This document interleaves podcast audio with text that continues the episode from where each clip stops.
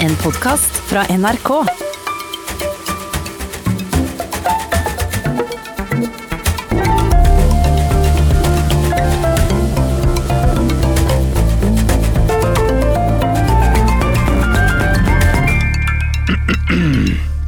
Ok. Hjertelig velkommen, Dag O. Hessen. Takk, takk. Du er professor i biologi ved Universitetet i Oslo fortsatt. Det er jeg.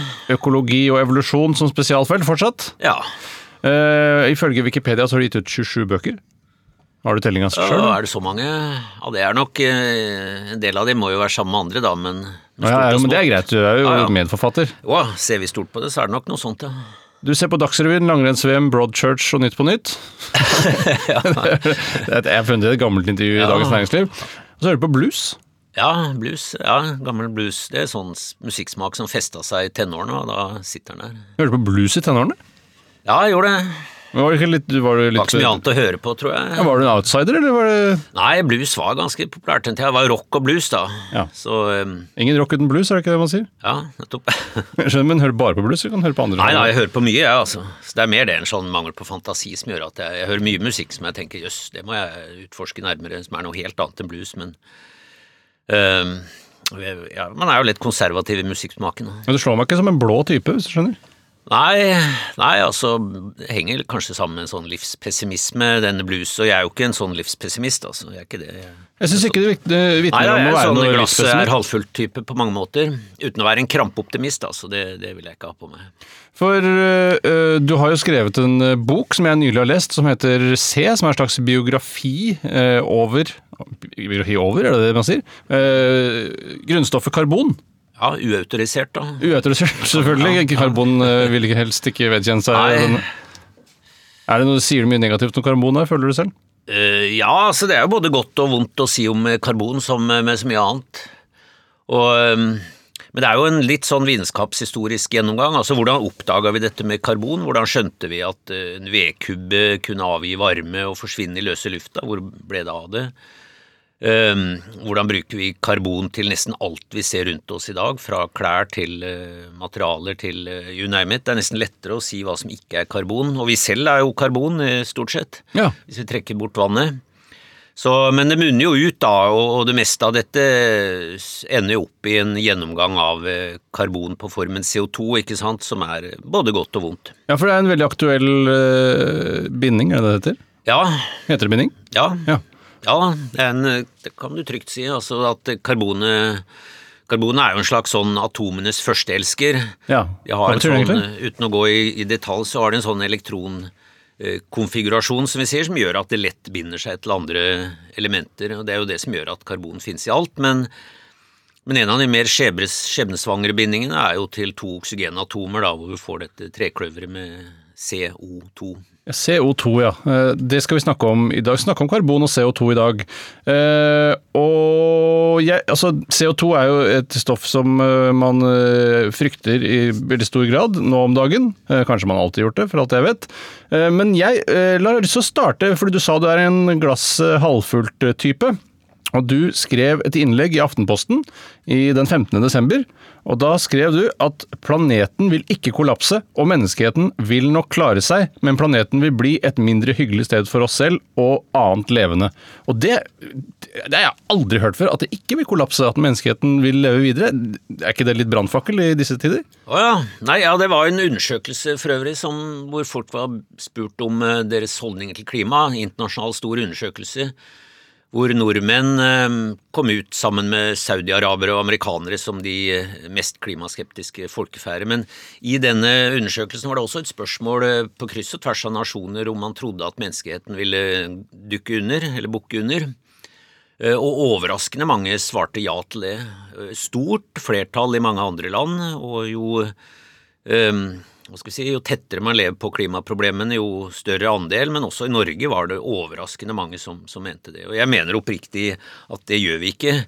Og det er jo eh, det som kanskje gjør meg til optimist i denne sammenhengen, da. Jeg vil si det er en brannfakkel. Ja, ja brannfakkel det er jo i hvert fall en, en gledesnyhet. Hvis man hadde gått rundt og trodd at uh, vi hadde bare noen generasjoner igjen. Ja, for det, var jo, altså, det har jo vært snakk om folk, Det er sånn nedtellingsklokker på vg.no, og i 2100 da, er det, da smeller det. Eller 2050, jeg har til og med hørt noen si. Ja, det, altså det kan for det første ingen si med sikkerhet, eh, og for det andre så er det høyst usannsynlig. Og planeten vil jo, altså noe sånt som et planetært kollaps er jo utenkelig, for planeten har vært gjennom temmelig heftige prøvelser før og hanka seg inn igjen, men, eh, men med store kostnader, da. Ofte har jo masse det, Hovedmengden av det dyre- og planteliv som har vært forsvunnet, men nytt har kommet til. Eh, Men dette, da snakker vi om massive katastrofer, altså det Så langt tror jeg virkelig ikke vi vil komme. Nei, har, eh, Vi skal komme litt tilbake til akkurat de tingene der. Eh, Siden du først var inne på det, hva tror du blir, er det som avslutter menneskeheten? Ja, jeg tror ikke det blir en pandemi heller, eh, apropos eh, Koronas? ko- korona. Um, det kan bli eh, en eh, Altså, det er jo noe sånn helt eh, ukjent i livets ligning. Altså, det kan komme en eh, absurd meteoritt. Det eh, er typisk menneskeheten at det skal være noe ukjent, ja. Ja, det er det. Så ting vi ikke kan kontrollere. Eller Yellowstone kan gå i lufta, ikke sant? Ja, hvor, eh, hvor ille er det stilt med Jeg vet så at du nevnte den også i boka di som da et mulig alternativ til en avslutt. Hva er det som ligger og koker under der, egentlig? Ja, det er jo ille? verdens største magmakammer som ligger der eh, under et heftig trykk, og det er klart hvis det eh, i anførselstegn bestemmer seg for å gå i lufta, så, så tror jeg likevel ikke det er menneskehetens undergang, men eh, da er det i hvert fall greit å ikke befinne seg på det nordamerikanske kontinentet. Ja. Det er nesten alltid greit nå om dagen. Ja, Men jeg, jeg har hørt nemlig at uh, den boka The Road av Cormac McCarthy er liksom, Han har brukt, tatt utgangspunkt i at det har vært et Yellowstone-utbrudd. Ja. Det skal liksom være da, det som ligger i bånn for dette. Ja da? Eh, ja, det stemmer vel det, og, og det er klart, eh, altså meteoritter i ulik størrelse, hvis vi får en sånn som slo ut dinosaurene og mye annet for 65 millioner år siden, så så eh, vil det jo bli tøffe tider, altså det, særlig fordi det ofte blir da flere pågående iskalde år. Men menneskeheten er jo ganske robust og rusta til det meste, pluss at det er jo ulike klimasoner i ulike deler av verden, så menneskeheten som sådan vil eh, ikke bukke under, det er jeg ganske sikker på, men eh, det er jo, tenker jeg, en fattig trøst hvis du bor i Bangladesh og opplever at eh, havet stiger oppover anklene dine samtidig som ferskvannskildene fra Himalaya tørker ut. Ja. Så det blir jo massive folkeforflytninger, og det blir jo ikke noe trivelig, altså. La det være Nei, for det, ble, altså, det det er optimismen min. Ja, det er ikke så at det blir et mindre hyggelig sted, ja. Men jeg, jeg kommer, Apropos det, for å drive litt grann reklame, så Ja. jeg jeg med en bok nå som, eh, som heter Vippepunkter, eller Verden på vippepunktet, og jeg diskuterer en del sånn worst case-scenarioer, men konklusjonen er jo den samme, altså at vi, verden går ikke under. Nei, ikke sant? Eh, jeg bare spør, akkurat når denne, denne meteoritten som utryddet, mest sannsynlig utryddet dinosaurene, Uh, når var dette sånn cirka? 65 millioner år siden. Hvorfor er det ikke noe arr eh, på kloden etter dette? Jo, men det er det. Det er jo sånn man har oppdaget det. Oh, ja. Det er jo et kjempesvært arr utenfor Yucatan i Mexico som godt samsvarer med dette krateret. Der finner man altså store mengder med et sjeldent metall som heter iridium, som stort sett bare kommer fra meteoritter. Og det var jo sånn man kom på sporet av dette. Hvor, svær, er- hvor svært er det krateret? Ja, jeg husker ikke hvor mange mil det er i omkrets, men det er enormt, altså. Men Hvordan kan liksom en, en, en øgle i Nord-Norge, eller hvor hva det het den gangen, bli påvirket av en meteoritt som lander i Mexico? Da heter Finnmark og, og Troms den gangen. Nettopp før det slo det sammen, ja. Nei, det var fordi det var ikke selve nedslaget, selv om det jo skapte jo absurde tsunamier og, og røykskyer som vi knapt kan forestille oss, og branner og så videre, så var det først og fremst det at det ble virvla opp så mye støv i atmosfæren at du fikk en global nedkjøling. Ja. Og, og disse dinosaurene og mange andre dyr var jo ikke spesielt gode på varmeregulering. Så de frøys regelrett i hjel, og planteveksten forsvant, så de sulta i hjel.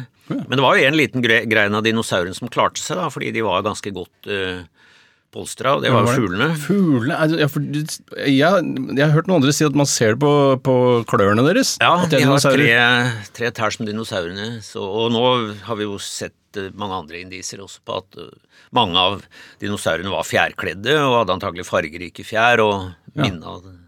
til forveksling om en del av dagens fugler. Eh, også pattedyrene, da. ikke sant? Ja. Det fantes noen, eh, noen stusslige små pattedyr på den tida, men de hadde pels og bedre varmeregulering og klarte seg. Ja, så var det noen som klarte seg gjennom det. Ja da, våre forfedre klarte seg. Eh, La oss nå ta litt eh, med dette, for det skal handle om karbon, CO2, klimaendringer. Eh, Men la oss begynne helt på starten. Karbon, hva er karbon? Karbon er jo et grunnstoff med atomvekt 12, eh, og det var jo ikke her når jorda oppsto, eller universet oppsto.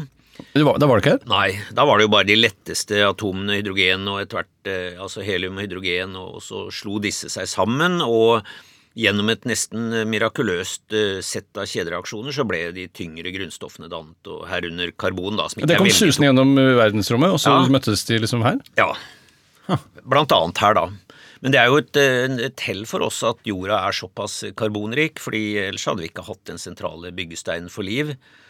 Kunne hatt tenkt oss kanskje silikonbasert liv eller noe annet. Det, det blir jo spennende hvis man en gang oppdager liv på andre planeter, hvilket jeg tror vi ikke vil gjøre. Men, men er de basert på karbon, nitrogen og fosfor, sånn som oss? Tror du hele, all, hele i universet er bygd opp av de samme eh, tingene fra det periodiske system? Ja, det er jo de samme grunnstoffene. Det finnes sikkert noen ukjente grunnstoffer der ute, men det er det samme, men i ulike proporsjoner, da, ulike mengder, og det må liksom være en viss mengde tilgjengelig for at det, det skal oppstå. Og så var det jo også, eh, for at karbonet etter hvert skulle bli til liv, så er det jo avhengig av at planeten var av en viss størrelse, så vi fikk opprettholdt en atmosfære som gjorde at ikke all varmen og Atmosfære det er et slags lokk, ikke sant? Eller er det Ja, det er jo gassene Noen sier man man det er mye gasser i atmosfæren, og tenker jeg, mener du noe i lufta, eller i det lokket rundt eh, kloden? Ja, det er jo både et lokk eh, og en Altså atmosfæren er jo både et lokk eh, og et, et slags del av rommet rundt oss som gradvis glir over i det store, mørke intet der Ja. ute. Eh, Og det meste av atmosfæren er jo nitrogen. Eh, 78% er nitrogengass som vi ikke egentlig kan nytte Ganske kjedelig stoff, ut fra hva jeg har lest. Nitrogen er et skrekkelig kjedelig stoff, altså, i hvert fall på den formen. Nå har vi jo grepet inn i nitrogenkretsløpet på eh, fundamentalt vis også, men det er en annen historie, og med ikke så store konsekvenser. Men, eh, men ja, altså karbon ble dannet Det er en form for stjernestøv da, som ble dannet ved at eh, lette atomkjerner slo seg sammen og, og gradvis dannet eh, karbon, og etter hvert uh, tyngre elementer også. Og så finnes det da der Du har uh, grafitt og diamant. og Også noe som heter fulleren. Ja, det Dette er, er da de, de, i sin pureste form karbon. Det er jo noe av det kule ved karbon, at det ikke bare danner allianser og kan være venner med nesten alle andre atomer, men også med seg selv. Og ikke sant, blyantens bly, som jo ikke er bly, men grafitt, som er ekstremt mykt, eh, det er rent karbon, og i helt andre enden av skalaen har vi diamant som det hardeste harde, som eh, også er rent karbon. Men Ja, for det var jo naturfagspensum at hvis man klemte grafitt hardt nok sammen, satt under nok press, så ble det til diamant. Ja da, man lager jo diamanter kunstig. Det er jo ikke akkurat grafitt som er utgangspunktet, men det, man kan gjøre det med grafitt også. Hvorfor gjør man ikke det med masse? Jo, det gjøres jo masse, men syntetiske diamanter som produseres i ganske store kvanta, det er jo det man bruker i glasskjærer og sånt, det har liksom ikke samme verdi. Altså, Men, så det blir, like, det blir ikke like bra som det som er klemt på naturlig Ja, vis? det, antagelig gjør det det, men det er et eller annet med eh, denne underlige menneskelige forestillingen om at noe er ekte og noe er uekte, Ja. selv om det ellers er helt dønn likt, altså. Ja, for det sånn det er mye syntetiske stoffer. Så Ja. hvor, hvor har du fått det fra? Syntetisk er et fyord, altså. Ja, ja, det, Man sier ikke det på universitetet under dine forelesninger? Jo, jo ja, vi gjør det, men, eh, men det er en slags oppfatning om at det, det naturlige og ekte det er bra, og det syntetiske er dårlig. Og Av og til er det jo sånn, men, Ja. men ikke alltid. Og så, øh, hvordan blir karbon til CO2?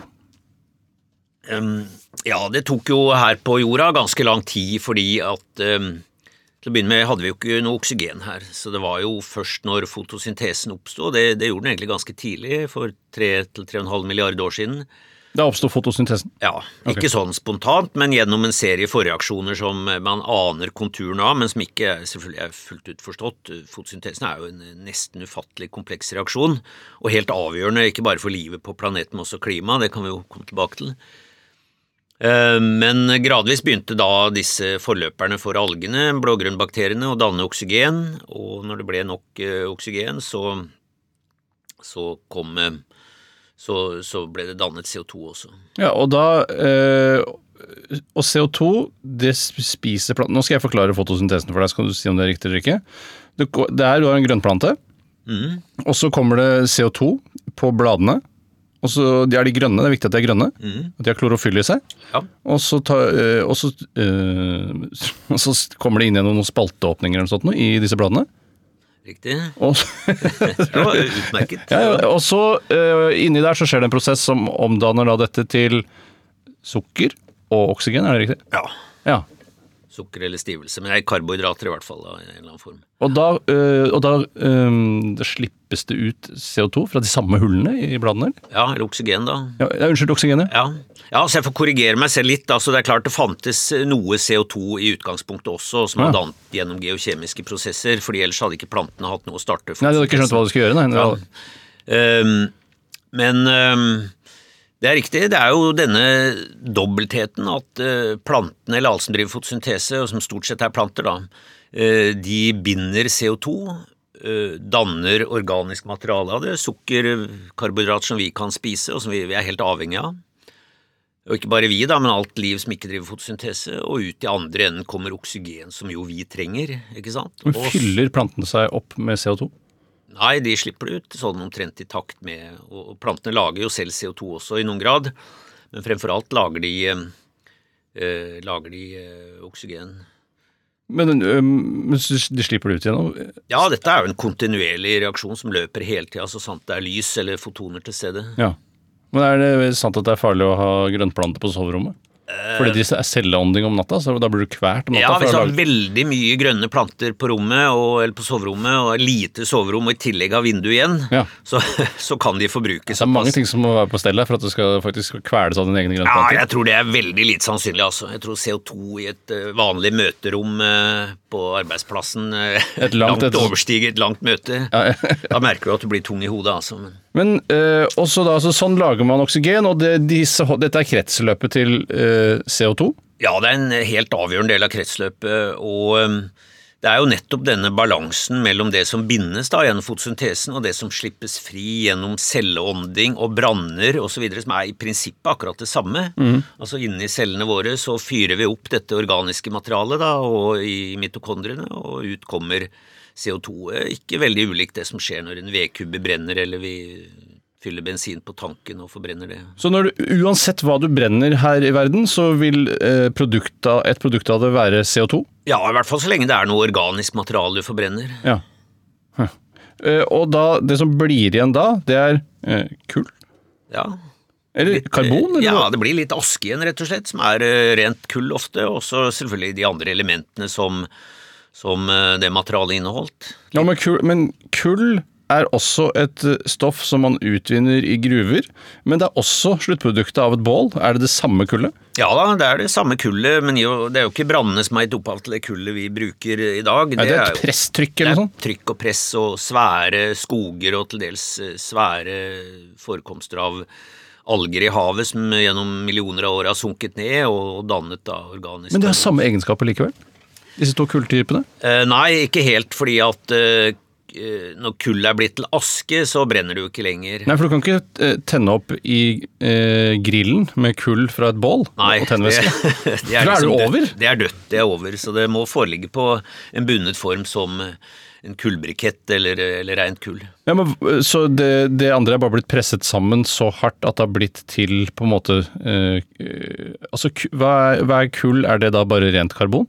Ja, stort sett rent karbon, men det er likevel på en form som gjør at det er eh, brennbart. Det Ja. er, eh, ja, Ja, For da har du det på en måte i sin pure. Det er som en, er som en konsentrert vedkubbe. ja, for rent grafitt eh, brenner ikke, heller ikke diamant, og heller ikke dette stoffet som heter fulleren, som vi ikke fikk nevnt. Ja, Hva er fulleren for noe? Fulleren er et uh, veldig interessant uh, molekyl. Var, eh, man uh, beregna teoretisk at det var mulig å danne en substans som bare besto av karbon, som eh, måtte ha 60 karbonatomer. Og den eneste logiske bygningen da, det er en fotball. Ja. Så dette fullerenet ser akkurat ut som en fotball med, ikke sant, du kjenner disse sekskanta rutene hvor lær er sydd sammen i fotball. Akkurat sånn ser fullerenet ut. Ja. Bare at det er hult på en måte, da. Hvordan ser det ut for det blotte øyet? Hvordan, Nei, du ser det ikke med det blotte øyet, Nei, men men, er det, er det, hvis du lager en svær klump av det, er det noe, er det en, kan det bli en klump? Ja, du kan eh, lage komprimere fullerenatomer og få en ren karbonklump. Eh, Akkurat eh, om det er gjort, det vet jeg egentlig. en fulleren blyant, kan man lage det og skrive med? Liksom? Eh, Ja, den skriver dårlig, da. Ja. Men fulleren blir jo sånn av hardhet en blanding av, av grafitt og diamant. Ja, det er et sted imellom dette her. Ja, Ja. det er det. Men noe, allikevel noe helt for seg selv. Ja. Det finnes jo også andre rene karbonformer, da, som grafittrør og karbon er jo sånt stoff som, eh, som, er veldig i vinden til å lage forskjellige syntetiske stoffer, og ikke bare sånn til superledere og sånt, men, eh, men også til ja, polymerkjemi og sånt. Der er jo karbonet helt avgjørende. Ja, polymerkjemi, hva er det for det? Det er Det kan bruke nylonstrømpene som stikkord, som på en måte var det første et av de første produktene som DuPont, for øvrig, en, en, en sånn tidligere eh, Eh, våpenprodusent eh, oppdaget at, eh, at, det lå mye mer penger i å produsere syntetisk karbonkjemi enn i kuler og krutt. Det er ikke mer penger i, i silkestrømper enn det er i, i, våpen? Ja, i hvert fall fant de ut det. De satsa enormt på å produsere sånne polymerer, og revolusjonerte jo da klesbransjen. Så det begynte på mange måter med nylon, men det er jo eh, nesten ingen grense for hva slags stoffer man kan eh, lage av eh, ulike karbonkjeder som hektes på hverandre. Ja, nettopp. Du har jo da Så nå har vi kommet fram til dette at det har blitt til CO2. Alt blir til CO2 på en eller annen måte, som jeg syns virker litt sånn skummelt. Og i denne boka så skriver du om en som heter Keeling. Ja. Og han har laget en kurve som er en Og hva slags kurve er det? Hvem er Keeling, da? Ta det Keeling er han, ja, bakgrunnen for historien er jo egentlig ganske interessant. Det, var, det har vært lenge ønska å måle hvor mye CO2 det var i lufta. Og CO2 er jo et bra stoff i utgangspunktet. ikke sant? Uten CO2 ingen plantevekst. Og litt mer CO2 gir også mer plantevekst, som har forleda en del til å tro at jo mer CO2, jo bedre er det. Men uh, la nå det ligge. Keeling hadde lyst til å undersøke hvor mye CO2 det var presist. Man hadde jo en anelse, da. Og som en følge av romkappløpet med russerne så fikk NASA ekstraordinære bevilgninger, og som et lite sånn spin-off av det, så fikk Keeling eh, penger til å sette opp et instrument på det høyeste fjellet på Hawaii, Mauna Loa, eh, for å måle eh, CO2. Og han gjorde det, han lagde et instrument som er konstruert nettopp på drivhusprinsippet, at mer CO2 gir mer uh, fanger opp infrarød stråling. Altså. Hvorfor må du gjøre det på toppen av det høyeste fjellet på Hawaii? Ja, For å unngå uh, Det var egentlig ikke noe smart valg, for det er jo vulkansk aktivitet på Hawaii, og da kommer det jo av og til en sånn pust av CO2 opp som forstyrrer målingene. Men poenget var å få det så langt fra utslippskildene som mulig. Ja. Når du er langt ute i havet på en fjelltopp, så er det i utgangspunktet et godt godt sted. Ja, Norge har jo et, eh, Den eldste målestasjonen så vidt jeg vet i Norge ligger jo på Zeppelinfjellet på Svalbard oh ja. utenfor Ny-Ålesund. Litt av samme idé, at her gjelder det å komme seg unna forstyrrende lokale utslipp. Men i hvert fall da, i 58 fikk Keeling satt opp dette instrumentet. Han observerte ganske raskt at det var et eller annet underlig som skjedde. Det var gitt litt sånn opp og ned i, som fulgte sesongen, og det er fordi plantene puster inn og ut, så å si, da, avhengig av sesongen. Ja. Mye produksjon om våren og sommeren, og det motsatte om høsten og vinteren. Men allerede i 62 så samla Keeling en gruppe kollegaer og, og diskuterte da det besynderlige han så, at her var det en økning av CO2. Og Den eneste forklaringa de kunne komme opp med, det var eh, vårt forbruk av kull og olje. Og dette var på slutten av 50-tallet? Det eh, var tidlig på 60-tallet. Ja. 62-63. Så det var en mild advarsel allerede den gangen om at hvis dette fortsatte, så kunne vi faktisk få en oppvarming som, eh, som var ubehagelig. Men så Er dette første gang man oppdaget at menneskelig aktivitet bidro til å øke nivået av CO2? Eh, ja, det var første gang det var målt og observert. Andre hadde jo spekulert i det da og gjort beregninger som viste at mer CO2, for CO2 som drivhusgass, altså etter oppvarmingseffekten av CO2, var jo kjent langt tilbake. Så det var allerede på eh, rundt 1900 gjorde jo en smart svenske som het Arenius beregninger som tilsa at eh, hvis man fikk en dobling av CO2, og Arenius sa til og med at eh, økt kullforbruk kunne resultere i det, ja. så kunne vi få en ja, opptil fire graders økning i temperaturen, beregna han med blyant og papir, basert på fysiske prinsipper.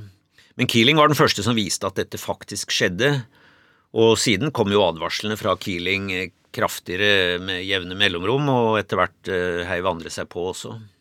Men, det, eh, men, stiger konsentrasjonen av CO2 i atmosfæren hvis man ikke har menneskelig aktivitet? Nei. Går det sakte, men sikkert oppover? Nei, den gjør ikke det. Nei. Så det er ingen annen logisk forklaring eh, i dag enn, det, enn vårt forbruk av eh, ja, primært kull, olje, gass, men også avskoging, sementindustri. Ja, det er hovedkildene til det. Og drivhuseffekten som man da får av dette, hvordan ta, altså, dra oss kjapt gjennom det? Eh, Drivhuseffekten består i at eh, ja, sola stråler ut eh, et svært spekter av bølgelengder ned på jordoverflaten, og så reflekterer jorda en del langbølget varmestråling ut. Og noen gasser har den effekten at de fanger opp denne varmestrålingen og får da akkurat samme effekten som glassveggene i et tak i et drivhus. At det holder varmestrålingen inne. Og det er en bra ting i utgangspunktet. Hadde vi ikke hatt noe drivhuseffekt, så hadde jorda vært kald og ulevelig. Eh, så igjen er det spørsmål om for mye av det gode. Så CO2 er en av disse drivhusgassene. Eh, metan er en annen, som også har økt eh, kraftig og i, i takt med menneskelig aktivitet. Og lystgass, som er et nitrogen N2O.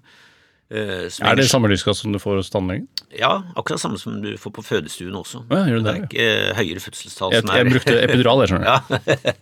ja. Nei, men det er akkurat samme gassen. Så, og ikke så store konsentrasjoner at den gjør befolkningen muntrere, men, eh, men, eh, nok til at den har en betydelig effekt på drivhus, eller på oppvarmingen på planeten. Og så har vanndamp den samme effekten nå, faktisk. Den også er med og varmer opp eh, atmosfæren? Ja, ja. men vanndamp er, har flere har, har flere trekk ved seg, da, så det er ikke så enkelt å forutsi effekten av den. Men eh, karbondioksid er jo da bare en blanding av karbon og oksygengass, CO2. Ja. Hvorfor er det så vanskelig å skille, de, eh, skille dette eh, molekylet? opp i, i, de opprinnelige bitene? Ja, det er jo en sterk binding, altså, så det er ikke trivielt at fotosyntesen klarer det. er jo, eh, Nå tar riktignok fotosyntesen oksygenet sitt fra vann, da, så det er jo en litt annen ting, men, men den klarer i hvert fall å omgjøre CO2 til noe organisk. Og det er jo ikke umulig å gjøre dette kjemisk heller. altså Nå er det jo i ferd med å etableres et bra CO2-renseanlegg på på Klemetsrud, og man kan binde dette geologisk. Eh, det er jo det man ønsker. Men det er alltid bare binding, binding. Kan man ikke bare ta det fra hverandre? Ja, det er det. Det er ikke så lett, altså. Lagring og fangst og sånn, det, det syns ikke det er så utrolig. Det er rart at det ikke skal kunne skille ja, det. Ja, enig. Det er jo kanskje det som blir løsningen til slutt. At man lager en eller annen smart uh, katalysator som splitter uh, karbonet opp, og man, det drysser ut litt kullpulver i den ene enden, og så får man friskt, friskt oksygen i andre. Da har vi jo har vi blitt selvforsynt. Da, ja, ja ikke sant. så, men er, hvorfor er det så vanskelig? Fordi det er så sterk binding? Det er veldig sterk binding, ja. og det er ikke, det er ikke trivielt. Og veldig mange andre Det er jo grunnen til at CO2 lever så lenge i atmosfæren nå. Altså metan f.eks. CH4 brytes ned relativt raskt i atmosfæren. Mens, eh, mens, eh, CO2 har så sterk binding at det er ikke så mye som biter på det, så det blir i atmosfæren i hundrevis av år. Ja, øh, det tas jo opp igjen da av vegetasjon og sånt. Ja. så hvordan, øh, hvordan får Hvor langt opp går det CO2?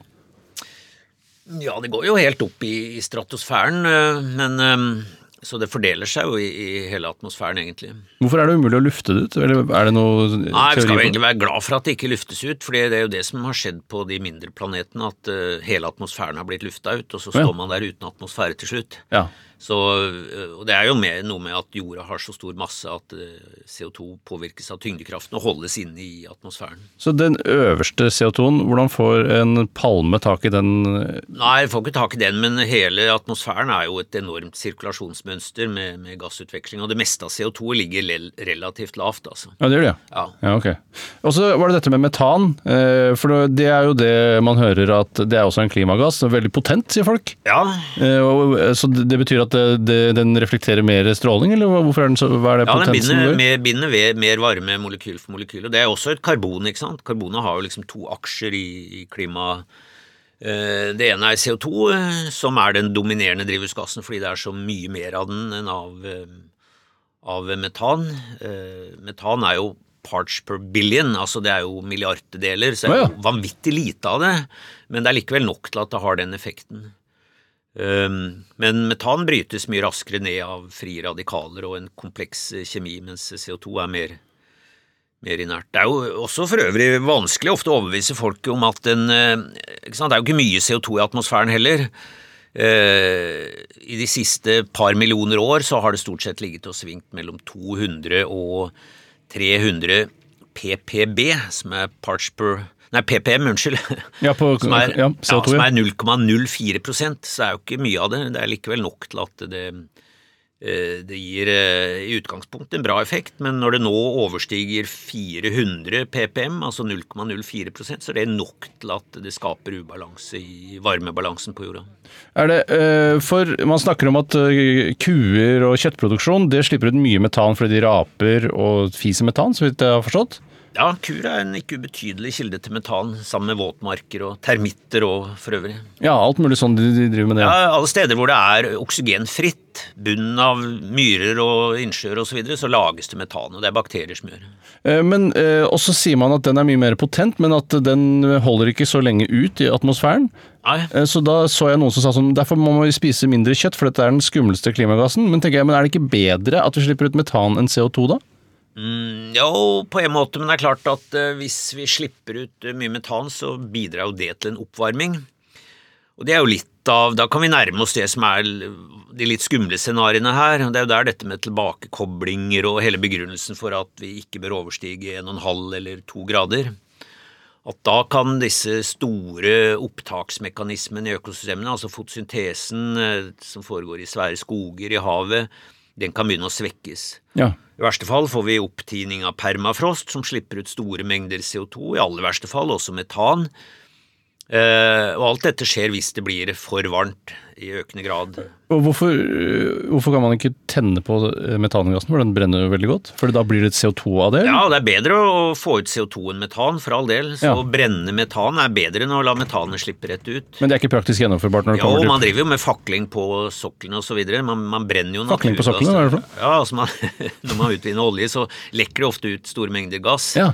Er det den der som brenner oppi Ja, kroppen? ja. Hvorfor? Jeg har alltid tenkt at det er jo et fryktelig energi... Ja, det er jo det. Det er jo tåpelig å utnytte den, så det, man vil vel, det tror jeg en jeg, jeg tror det fortsetter fortsatt, men, men ellers er Det jo står og brenner på de oljeplattformene ja, fortsatt. det er jo en enorm ressurs som man egentlig burde fange opp, altså. For Ja. det er jo en, en energikilde. Og gass er jo bedre enn olje. Det, det slipper ut mindre CO2 per produsert energienhet. Er naturgass er det metan? Ja, stort sett metan. Ja. Du har litt sånn butan og propan og disse andre slektningene til metan, men det er, for praktiske formål er det metan. Hvorfor får man bare kjøpt butan på XXL og ikke metan? Ja, nei, det er fordi butan har eh, Det er noe med frysepunkt og at eh, hvis du skal ut og bo i marka og det er lav temperatur, så er det greit å ha gasser som, som holder lave, klarer seg ved lave temperaturer. Ja, så metan, det- ja nettopp ja. Ellers så blir det permafrost av Ja. primusen. Ja. Ja. Jeg skjønner. Eh, ok, så det, mm, Og da begynte du å snakke om dette som jeg har skjønt liksom er liksom den store trenden i, man snakker om, og dette med vippepunkter, som du også da driver og skriver om. Ja, Eh, for det er, det er det man frykter aller mest når det kommer til disse klimaendringene. Vippepunktet er skrekkscenarioene, og det er jo grader av de også. Det er lokale vippepunkter. altså Mange mener jo at hvis vi passerer 1,5 grad, så er løpet kjørt for grønlandsisen f.eks. Da vil den smelte ned. Da har den nådd sitt vippepunkt hvor det er umulig å hanke seg inn igjen. Snøballen begynner å rulle, rett og Snøballen slett. begynner å rulle nettopp. Og, og når snøballen har rulla en stund, så når den i verste fall et, eh, et stup og, og vipper til en helt annen tilstand. Eller den kan bare rulle og rulle og bli større. Og ingen Det er jo litt av det trikket med disse vippepunktene at ingen vet helt om de eksisterer eller når de kommer, men, men det er en del eksempler på at uh, når du stresser et system nok, så kan det gå bra veldig lenge. Dette kjenner vi igjen fra økonomien også.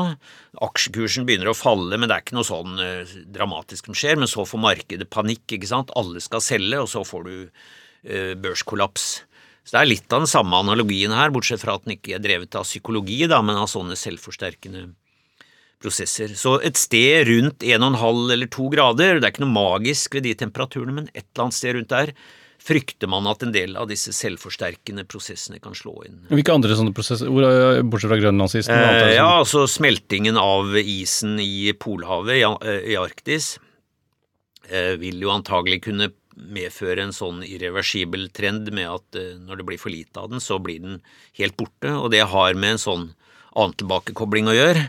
Altså albedoeffekten. Eh, Hvite flater de er jo hvite fordi de reflekterer Ja. alt lys, og de er kjølige. Det vet alle som har gått med hvite klær i solsteiken.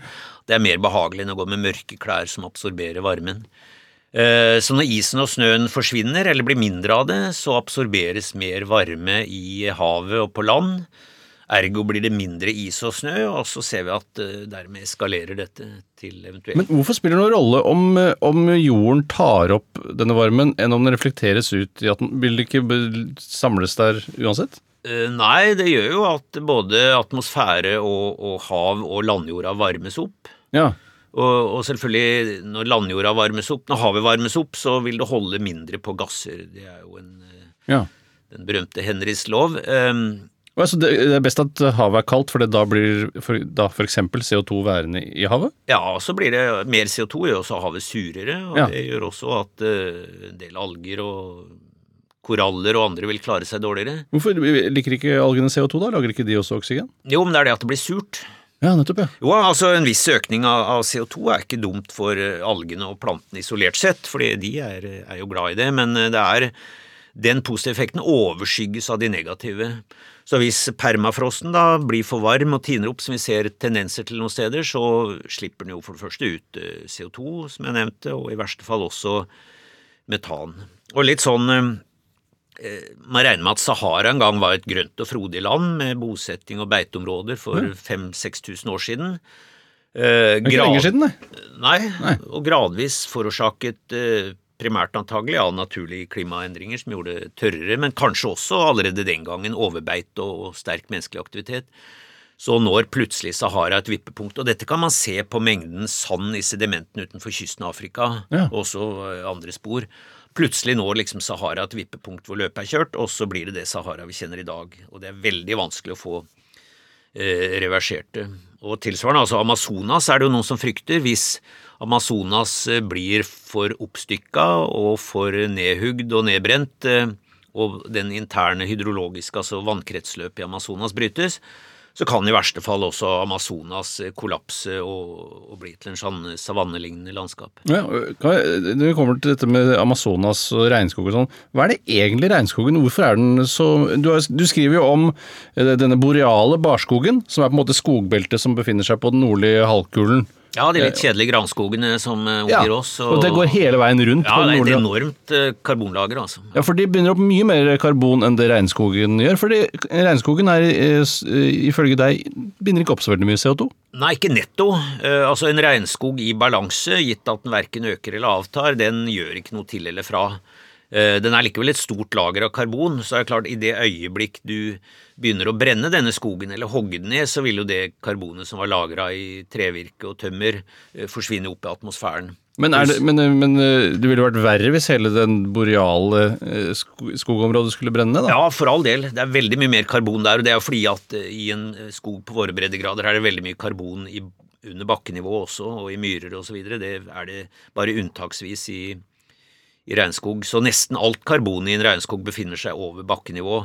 Men det er klart, i det øyeblikk dette karbonet omdannes til CO2, så er det jo et betydelig tilskudd, nettopp fordi det er så lite CO2 i atmosfæren. Det skal ikke så veldig mye til eh, fra, med økte tilførsler fra skoger og hav og fra, eh, fra myrer før dette utgjør en forskjell. Pluss at selvfølgelig at når, når Amazonas eh, eh, forsvinner, så forsvinner jo da et eh, fabelaktig biologisk mangfold og Ja, men Fabelaktig kan vi ikke konsentrere oss så mye om det. Men er det fordi det er, det er fint å verne? Hva- Hvorfor er regnskogen Er det stort sett dette lageret som er, gjør at det er riktig? Ja, og så er det jo den som er trua, ikke sant. Per i dag er det ikke noe som tyder på at den boreale skogen er eh, trua. Tvert imot, altså etter hvert som det blir varmere, så ser vi nå at skogen sprer seg nordover og oppover i fjellet. Så, så den er ikke trua, tvert imot. Mens, eh, mens regnskogene de hugges jo eh, for fote.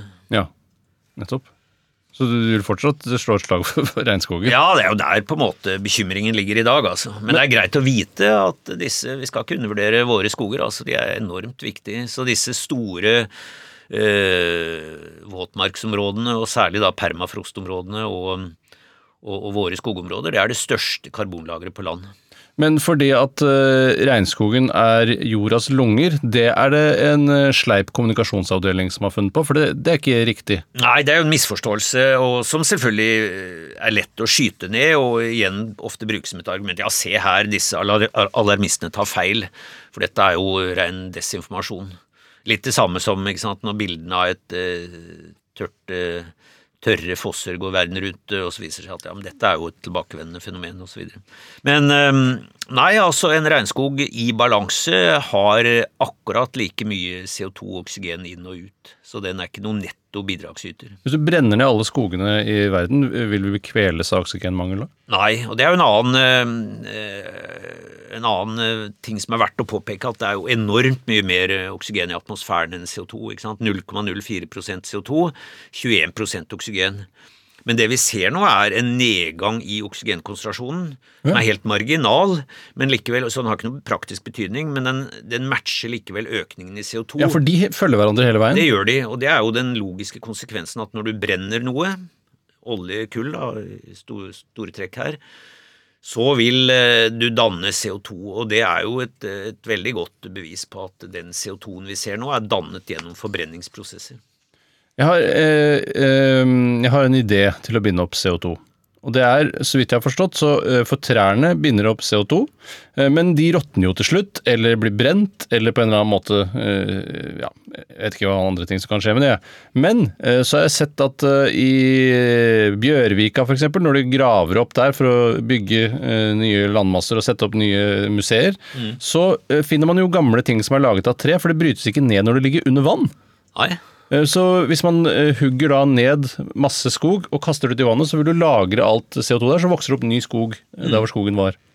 ja, i prinsippet ville det fungert. Men litt for ressurskrevende, tenker du? Ja, eh, det ville nok neppe vært eh, gjennomførbart, men i prinsippet er det jo riktig. Eller kunne lagd stavkirker av det. Da ville du i hvert fall hatt lukka det inne for eh, i et Må, må det være stavkirker? Nei, men det er jo de som er så gamle, da, men eh, type stavkirker. Ja, så det spiller ingen rolle bare lager et tømmerhus, så binder du opp CO2? Da binder du opp så lenge tømmerhuset står der, selvfølgelig. Men eh, problemet i dag er jo at eh, nesten alt trevirke går, jo til papir, og det har jo ikke spesielt lang holdbarhet. Mye brennes osv. Uh, og så er vi jo i desperat tidsnød nå, fordi med den utslippstakten vi har i dag, så har vi passert eh, 1,5-gradsmålet, eller CO2-utslipp, da, som tilsvarer 1,5 grads oppvarming, på åtte-ti år. Åtte-ti år nå? Ja, Oh, ja. så det går eh, uhyggelig fort, altså. ja. Så det, Så det er en langsiktig tiltak. Jeg tror at teknologien vil løse dette med CO2. Jeg tror det, ja. Ja, i et 30-50 års perspektiv er jeg helt sikker på at vi har eh, endeløs tilgang på CO2-fri eh, energi, men, men det er for seint på en måte. Vi må løse dette før det. Ok. Jeg Pluss at det, er- det er jo også verdt å påpeke at uh, den slitasjen vi gjør på planeten er jo ikke bare CO2. Man får inntrykk i dag at alt dreier seg om CO2, men, men la oss nå holde oss til det. Men den plasthvalen har kommet litt i skyggen. Ja, og tap av mangfold og så videre, men, men uh, vi kan holde oss til Ja, for tap tapet av mangfold, uh, er det også noe som spiller inn på liksom balansen på jorden som vi bør frykte, eller er det også, som du sier, bare det fordi det er fabelaktig og, og flott? Er mye fordi det er fabelaktig og flott, men også fordi at vi til sjuende og sist er jo avhengig av det naturen produserer av, av varer og tjenester. Det er lett å glemme, tro at alt har sin opprinnelse i butikkhyllene, men det, det har det jo ikke. Men, eh, men det viktigste er jo at eh, så lenge vi har store, intakte, sunne økosystemer som kan gjøre oss den tjenesten å binde opp Altså halvparten, mer enn halvparten av den CO2-en vi slipper ut, bindes opp eh, netto av økosystemer i dag, hav og land. Um, og det er jo det hovedargumentet, i hvert fall i klimasammenheng, for å bevare sunne økosystemer òg. Ja. Og Om pandaen skulle forsvinne, så er det klart det har ikke noe praktisk betydning. er det ikke bare tre pandaer? For at alltid er bare tre pandaer igjen? Ja, Så det, det er jo jeg er sikkert så innavla at Ja, det virker veldig sånn. nok kjørt for de. Sitter bare der og spiser bambus. Uh, uh, ok, så når det er forsuring av havene og det ødelegger f.eks. revene utenfor Australia og sånn, så er det ikke, det er ikke noe Det er ikke hovedproblemet her. Eh, nei, ikke sånn i klimasammenheng, eh, bortsett fra at korallrev binder jo også en del CO2, men uh, ikke i mengder som er avgjørende. Men det er jo, jeg mener det er jo selvstendige og gode argumenter for å ta vare på mangfoldet, også fordi at vi er jo til sjuende og sist avhengig av mat som produseres i økosystemet.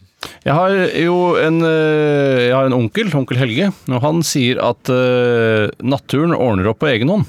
Ja, Eh, og det er jo noe eh, minner litt om det som du skriver om som handler om denne Gaia-teorien. At det er en slags sånn at Rett og slett, Den har jo ordna opp på egen hånd ganske mange ganger i løpet av eh, historien. Eh, altså Den vil jo også kanskje ordne opp på egen hånd nå, men da er det kanskje allerede litt for seint. Ja, det er klart når festen er over her, eh, for menneskens del, så vil jo naturen ordne opp eh, på, men kanskje i et 100 000 års perspektiv. Ja, for det, det, det, ordner seg, og det er mellom 100 og 200 000 år, ja, så vidt jeg har forstått. Så hvis du ser stort nok på det og tenker at det er ikke så veldig farlig hva som skjer i mellomtida, så vil jo ting gå seg til. Det er ganske sikkert. Det fins flere sånne, altså Lovelock som lanserte Negaya-hypotesen Eh, poenget hans var at det fins en del sånn selvregulerende mekanismer, både på lang skala, stor skala geologiske, og på kortere skala disse karbonsyklusene i økosystemene, som er med på å opprettholde en relativt stabil tilstand på jorda. Men det er klart, det vi, eh, som skjer nå, er at vi dytter pendelen veldig langt i en retning. På et eller annet tidspunkt vil pendelen snu, men da er antagelig tilstanden her på planeten temmelig utrivelig, ikke bare for oss, men uh, mesteparten av våre medskapninger. Ja, for Det har vært en, et tilfelle tidligere som, uh, så vidt jeg uh, har forstått, ligner ganske mye på nå i utviklingen av CO2 i atmosfæren, og så plutselig bare pss, så har det stupt ned igjen. Ja, ikke akkurat plutselig. Den grafen er jo kanskje litt tettpakket ja. i boka di. Det har vært mange sånne episoder, så jorda har vært gjennom store prøvelser. Har jo én, kanskje to ganger nesten frosset til, hvor vi hadde denne Snowball Earth, hvor det var bare et belte rundt ekvator som var isfritt. Eh, men da var det jo gradvis så opphørte da denne karbonbindinga gjennom geologiske prosesser, og så var det vulkansk aktivitet som på en måte ble den viktigste siden i ligninga, og gradvis bygde CO2 seg opp. Det ble varmere, isen smelta, ikke sant. og Uh, og vi har også hatt episoder hvor jorda har vært uh, Altså det ultimate vippepunktet er jo, er jo denne hothouse earth, altså badstuejorda. Hvis alle disse vippepunktene rotter seg sammen i et virkelig worst case scenario, så kan vi få fem grader eller mer høyere gjennomsnittlig uh, global temperatur, som er vanskelig å forestille seg, rett og slett. Men, men det, har, det har skjedd før, og jorda har jo som system overlevd, da. Det var for denne Paleocene-Eocene thermal maximum, som skjedde ca. Ja, 8-10 millioner år etter dette voldsomme meteorittnedfallet som slo ut dinosaurene, blant annet. Altså for 55 millioner år siden mm. så hadde, var det en sånn episode som kanskje har vært forårsaka av massive metanutslipp fra sånne metanhydrater. Kanskje voldsom vulkansk aktivitet. Det er flere teorier, da, men, men i hvert fall var jorda da eh, opp mot fem grader varmere enn nå i snitt, eh, kanskje enda mer. Um, og den har jo hanka seg inn, ikke sant, men det, det tar hundretusener av år. og noe sånt som 60-70% av alt kjent liv døde ut, så det er jo ikke, det er ikke noe å tilstrebe. Nei. Det er klart Hvis du virkelig ser stort på ting, og så kan du si at ikke bare om 100 år er allting glemt, men om en million år er allting glemt, og det går seg til, så hvis du har liksom et geologisk perspektiv på det hele, så, så er det riktig. Og jorda er ganske robust, altså, så, så det er derfor også jeg, jeg mener at denne dette uttrykket med global kollaps og sånt, det har lite for seg. Ja, men, øh, men, det er kanskje, de sier det vel kanskje først og fremst for at man skal ta det på alvor? Ja da, det er, eh, hvis man ikke oppfatter det bokstavelig. Det er klart du kan ha lokale kollapser. Og, og, det at ting ikke går helt til helvete, er jo likevel ikke noe begrunnelse for å, for å la det gå delvis til helvete. Nei. Uh, mm, så det, det, regulerer seg sjøl. Så Onkel Helge og andre klimarealister de eh, trekker jo ofte fram at det har vært varmere før, og all denne historikken, men eh, da bare overser de det faktum at det var en prosess som varte i hundretusenvis av år? På generell basis? Ja, og så er det jo helt åpenbart. altså det, det, er mange andre årsaker til at klimaet kan endre seg, og historisk har gjort det. Perioder er jo jordbanen veldig elliptisk. Av og til er vi nær sola, av og til lenger unna. Klart det skaper istider og mellomistider. Det har vært eh, massive meteorittnedslag og vulkanutbrudd osv. som jo i perioder har endra klima, og solaktiviteten har også stor betydning, og har historisk hatt det. Ja. Men i dag, og det er jo utgangspunktet, at det har vært ille før, mener jeg ikke noe grunn til å si at det er ikke så farlig at det blir ille nå. Fordi alle disse andre episodene var jo lenge før mennesket kom på banen. Så etter at vi eh, oppsto, sånn gradvis for 300 000 år siden, så har det vært påfallende stabile forhold her på planeten. Tross istider og mellomistider så må man si det har vært ganske stabilt. Um, og i dag er det veldig vanskelig å komme opp med noen god, rasjonell forklaring på noe annet som påvirker klimaet enn eh, en våre egne utslipp. Så det er jo en, vil jeg si, en ikke-triviell forskjell at i dag er det vi som forårsaker endringene. Før har det vært uh, helt andre faktorer, og da var heller ikke vi til stede her. Men, det, men du skriver jo også i boka di om dette har vært en diskusjon om høna eller egget. Hva er det som følger hva? Er det CO, økningen i CO2 som følger temperatur? Eller, man er ikke 100 sikker, altså. Nei, det er en klassisk sånn. Hvis du går tilbake, så ser du at uh, gjennom ulike Man kan bruke iskjerneboringer og se på gassammensetning i isen 850 000 år tilbake, og sammenholde dette med innsjøsedimentanalyser og, og havsedimenter. og som gir uh, ulike proxyer for temperatur, og så ser du at i perioder hvor det er mye CO2-metan, så er temperaturen høy. Og dette samsvarer veldig godt, eller samvarierer veldig godt. Og Det blir jo en sånn høna og egget, hva kommer først? Er det sånn at oppvarmingen kommer først, og så kommer gassene etterpå, eller er det gassene som kommer først, og så oppvarmingen? Og Det er ikke trivielt å svare på, selv om eh, de, det som foreligger av data til nå, tyder på at den situasjonen vi er inne i nå, er det gassene som kommer først.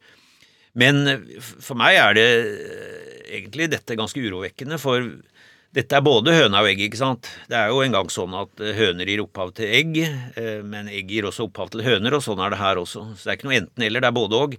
Og det gjør jo at den oppvarmingsprosessen vi nå er i gang med ved å slippe ut mer CO2 og metan og lystgass, vil gjøre det varme, som i tur da etter alt å dømme vil slippe ut enda mer CO2 og metan. Der har vi disse positive tilbakekoblingene som, som i aller verste fall da vil ende opp i noen vippepunkter. Ja, for det, det, det, er, vel det klassiske eksempelet at ja, det kan være en faglig eh, uenighet, men det skal vel ikke frita oss fra å prøve å eh, få bukt med eh, problemet, hvis vi kan gjøre noe med det?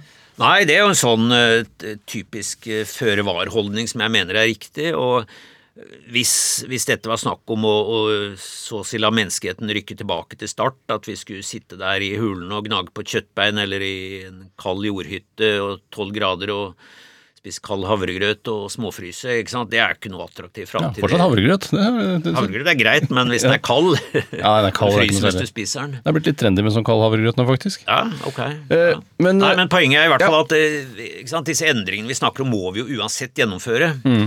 Så om vi gjør det nå, og kanskje til og med utnytter forretningspotensialet som ligger i dette, å være tidlig ute, så er jo ikke det noen dum idé, altså. Jeg, var, jeg husker eh, da, så vidt riktignok, for jeg var ikke så veldig gammel da, men jeg husker da det var hull i ozonlaget, mm. som kom som følge av at vi brukte sånne aerosoler, spraybokser, som jeg fikk inntrykk av at var, det var det som var problemet. Ja, ja. Var det, Kan du huske eh, om det da var skepsis om at det faktisk var det som forårsaket hull i ozonlaget på den tiden?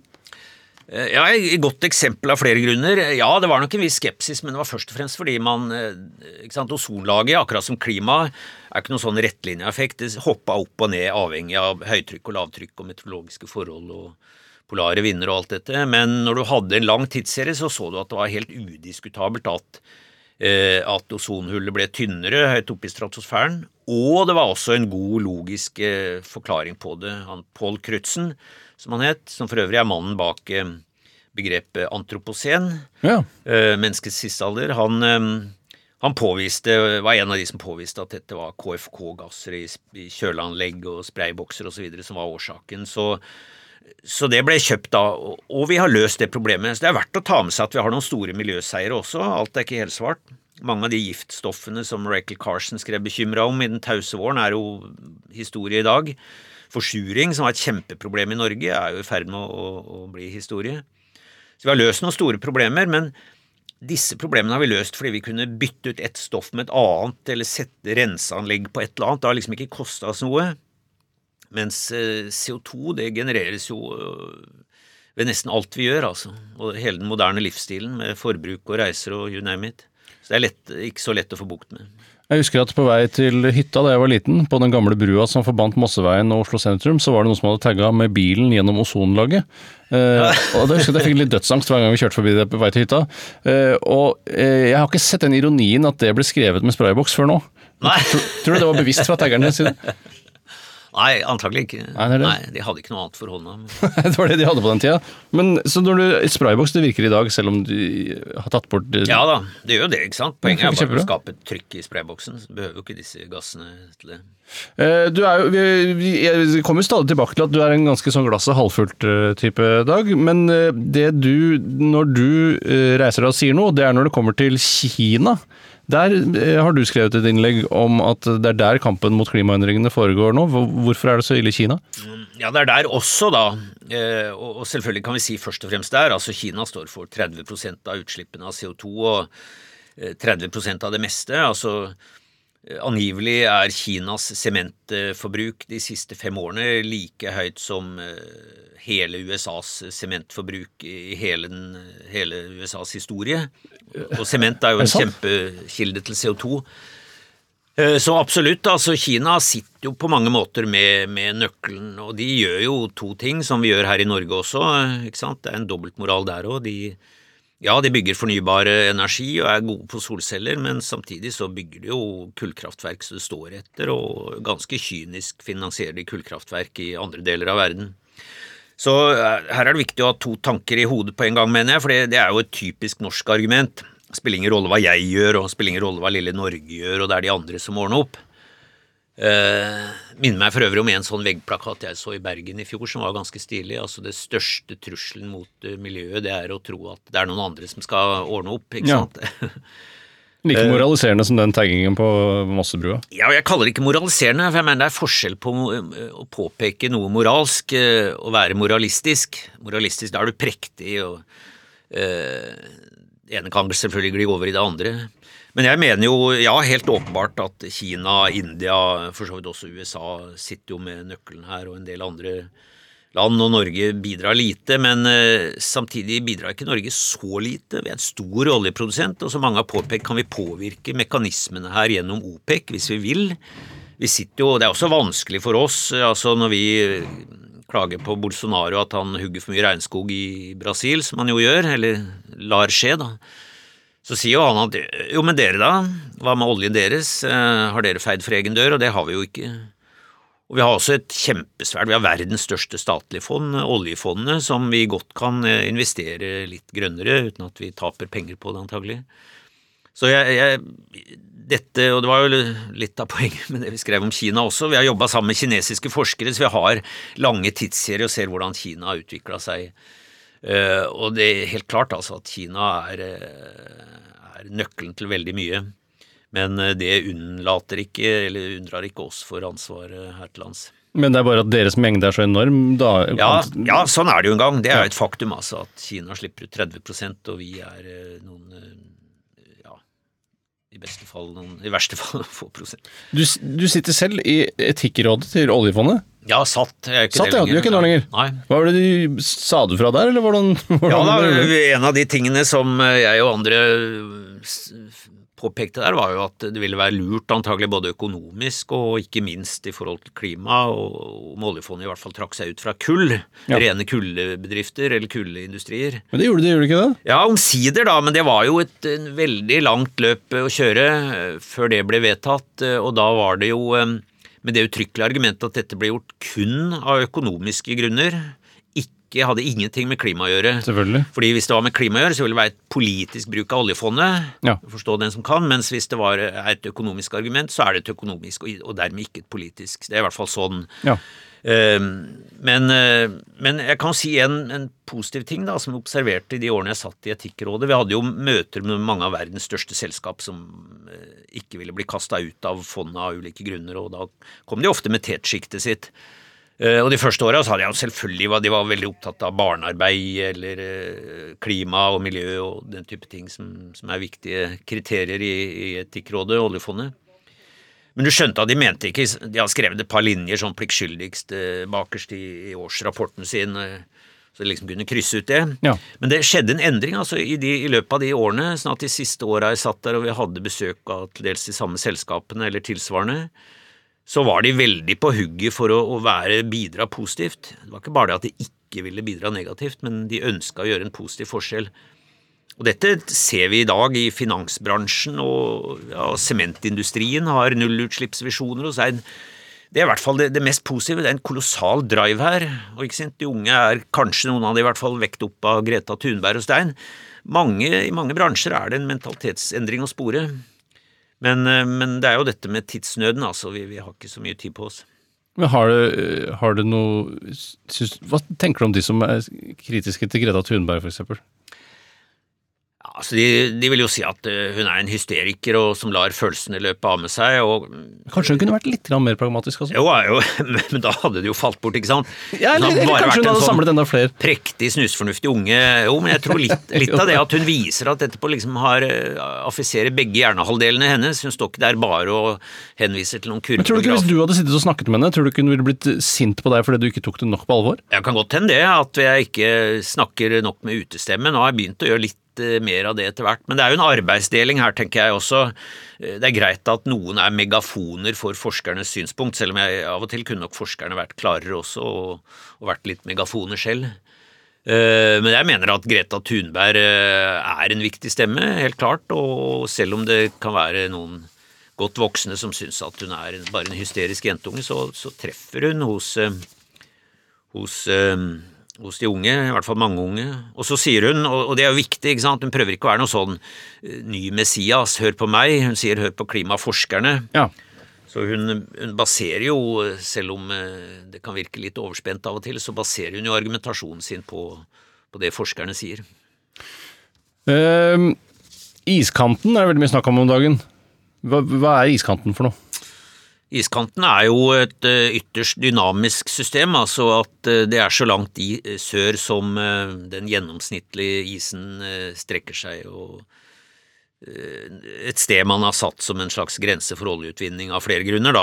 Ja, hvorfor er det grensen? Ragnar? Nei, Det kan du si, men det er jo fordi iskantsystemet er et økologisk sårbart system ja. av mange grunner. Du har en viktig produksjon av isalger, og du har en flora og fauna for øvrig knytta til dette.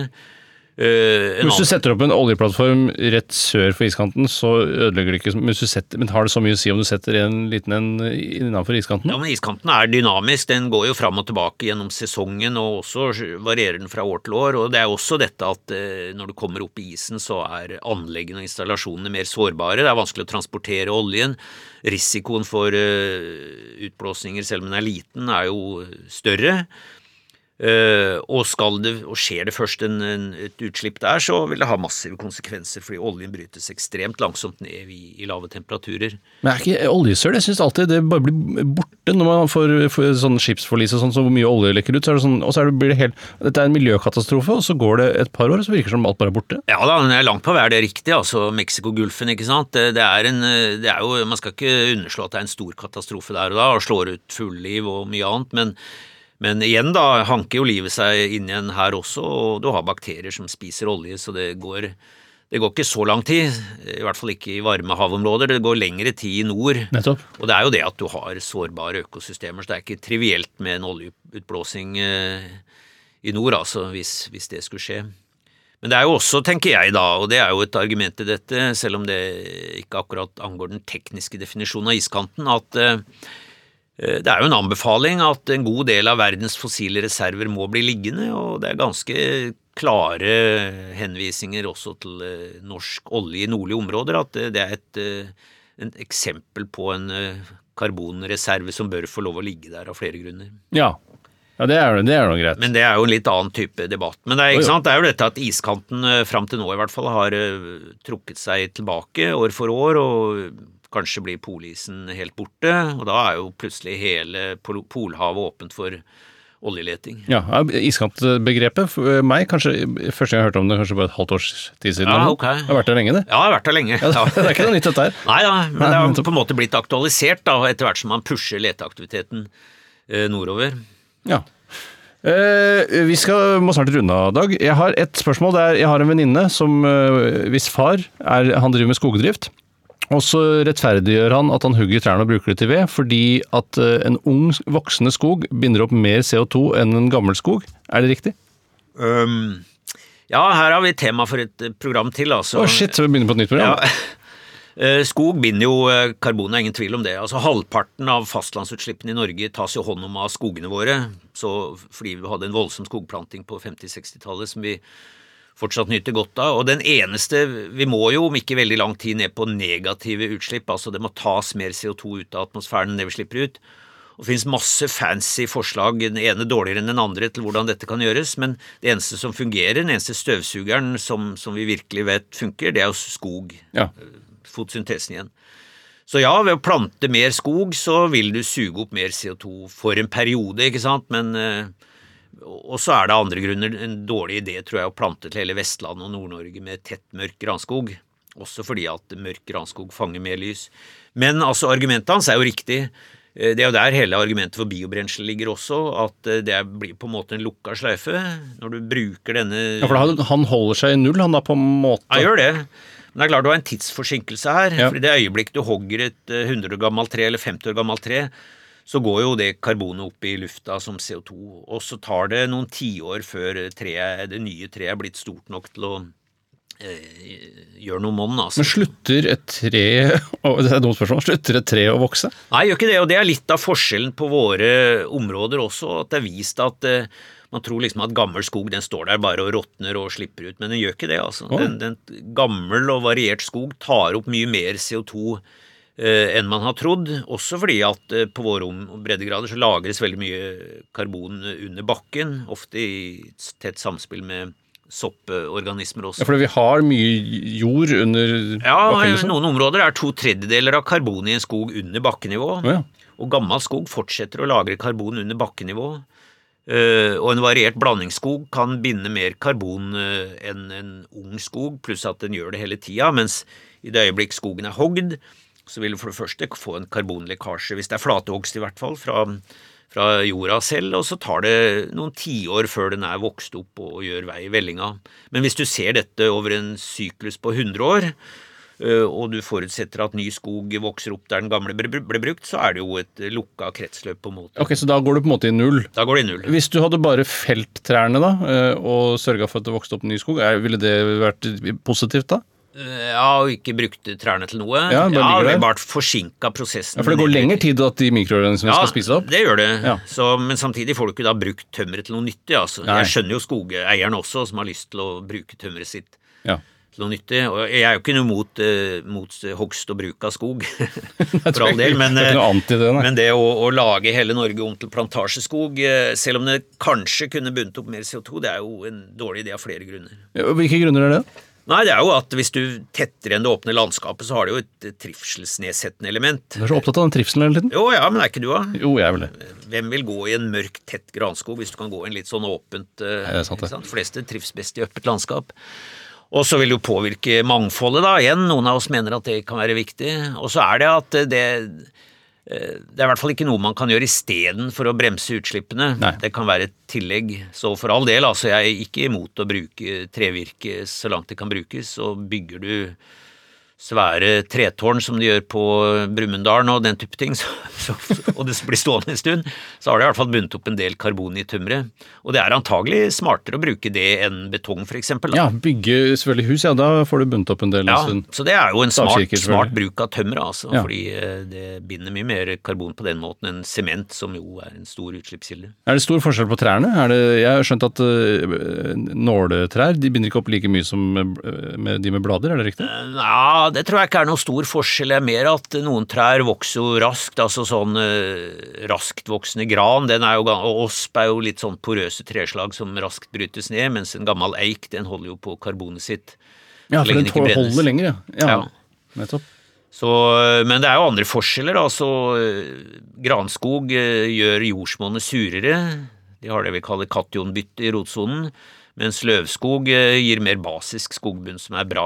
Så det er jo, skog er, tre er ikke tre, da. Nei. Når du snakker om forsuring av havene, kan man smake at det blir surere? Nei, det er jo veldig lite det blir surere også. Vi snakker om eh, noen eh, tideler, men det er likevel nok til at Og forsuringen skjer raskt, da, i, med, med, i forhold til hva som har skjedd tidligere. For det har vært forsuring tidligere også. Nei, altså, det, havet er basisk eh, fortsatt, altså, eller over sju. Så eh, hvis vi skal oppsummere, hvor bekymret vil du si at du er for øh, CO2 og menneskeskapte klimaendringer og klimaendringer generelt, fra, på en skala fra null til ti? Ja, eh, sju, da. Ja, Du sier sju, da, for det er ikke, du er egentlig nede på seks, men du vil ikke ødelegge for Nei, ja, hva tenker du da? At ti er veldig positivt, Nei, eller? nei, nei ti, er, ti er grusomt. Ti er det verste. Det er, det- da da, da det snakker vi om kollaps. Da er det full kollaps, ja. Ja. Eller, og da er det mest hvor bekymra du selv er, da, på en måte personlig. Ja. Nei, jeg ligger ikke våken om natta av en eller annen grunn, men jeg merker jo at hver gang jeg leser en ny FN-rapport eh, eller en ny IPCC-rapport og også av disse naturpanelrapportene, så, så siger på en måte bekymringen mer inn, men eh, jeg sier til de Jeg har jo av og til unge folk som kommer og spør ja, men er det verdt å få barn, ikke sant? Ja, Bør ja, jeg få jeg det, sånn som det. verden ser ut? Ja, det er et spørsmål jeg av og til får. Er det verdt å få barn? Ja, jeg mener jo det. Eh, Men da må man lære opp de barna så langt det sant er mulig. Skjønt nå er det kanskje barna som lærer opp foreldrene sine til å, eh, å leve bærekraftig, for det går jo an. Og jeg tror ikke det er noe dårligere livskvalitet ved det heller. Men eh, ja, altså jeg, er, jeg mener jo ikke at kloden kollapser, som sagt. Det er på en måte grunnpremisset mitt, og jeg tror det er et veldig avgjørende premiss at menneskeheten vil bestå. Jeg hadde ikke orka å stått opp hvis jeg trodde at menneskeheten hadde 100 år igjen. Altså. Jeg, jeg hører jo de som mener at det er mye godt å si om mennesket, så det ville vært ille hvis vi forsvant. Um, og jeg mener jo at planeten helt klart vil, vil klare seg. Um, så er det, mener jeg også at disse som, eh, og det er jo gjerne politikere som gjør det, da, som sier at ja, dette er veldig bekymringsfullt, men slapp av, dette fikser vi. Og jeg er optimist, ikke sant. Ingen Ja. politikere kan si noe annet enn at jeg er optimist, og dette fikser vi. I hvert fall hvis du stemmer på meg. Men eh, jeg er ikke i den, eh, den der krampeoptimistiske delen av Spekter, tror jeg er farlig, for da da fjerner man liksom brodden av et alvorlig budskap. Hvis vi sier at slapp av, ikke bekymre dere, bør ikke gjøre noe, dette skal vi fikse opp i. Som Stoltenberg ofte gjorde i sine nyttårstaler når han var statsminister. Jeg tror han var oppriktig bekymra for klimaet, men han ga den meldingen som jeg mener er uheldig, også fordi det fratar oss eh, ansvar. Men jeg mener jo da, altså bekymringen min ligger jo på at dette ikke vil gå helt bra. Det ser vi allerede. Vi eh, styrer jo nå mot 2,5-3 graders oppvarming. Og det, og det er da i 2100? Da tror du vi ender på ca. 3? Ja, i verste fall 3. Ja. Jeg tenker det er verste, verste fall 3. Ja, i verste fall 5, da. Men det er urealistisk. La oss nå være nøkterne her. Så prognosene for 2100 ligger på sånn mellom 2,5 til 3. Men så er jo det vi må håpe på, da, at det kommer da ikke bare klimatiske farlige vippepunkter, men kulturelle og teknologiske vippepunkter Ja. som kan motvirke dette. ikke sant? At vi endrer normer. eh, At vi begynner å se etter andre verdier enn akkurat å, å gjøre ting som forbruker CO2. Eh, og at vi også da hjelper de som produserer med å velge ut CO2-smarte produkter. For teknologien snur seg jo på en femøre. Industrien eh, gjør jo det som markedet etterspør, og markedet det er oss. Så vi kan få noen sånne vippepunkter som gjør at eh, dette går bedre enn eh, Det er positive vippepunkter der, der ute ja, også? ja, Ja. ja. Så du tror altså i, i bunn og grunn at dette kommer til å handle om Det handler ikke om liv og død, det handler om trivsel? Ja, det er en god oppsummering, det Ja. tror jeg. Det er, vi, vi går ikke ut for stupet, men vi kan gå ned i en, en litt lang og mørk dal, og hvor lang og mørk den blir, det er opp til oss selv, altså. Ja. Men eh, ja, godt oppsummert trivsel. Eh, Det har i hvert fall vært veldig veldig trivelig å ha deg på besøk i dag. Ja, takk for det. Takk for at du kom. Takk. Ja, Og lykke til med Ja, lykke til med Og til oss alle. til oss alle, lykke til med klimaet og framtiden. Du har hørt en podkast fra NRK. Hør flere podkaster og din NRK-kanal i appen NRK Radio.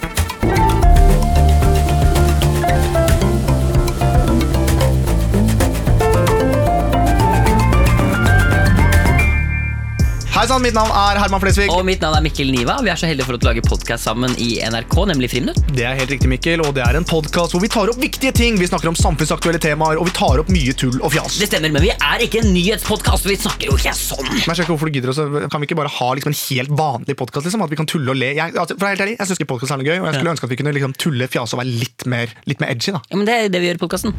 Last ned Friminutt og andre podkaster i appen NRK Radio. Du trenger ikke å si NRK. Vær så snill, Mikkel. Ok, sorry. NRK Radio. Kjempefint.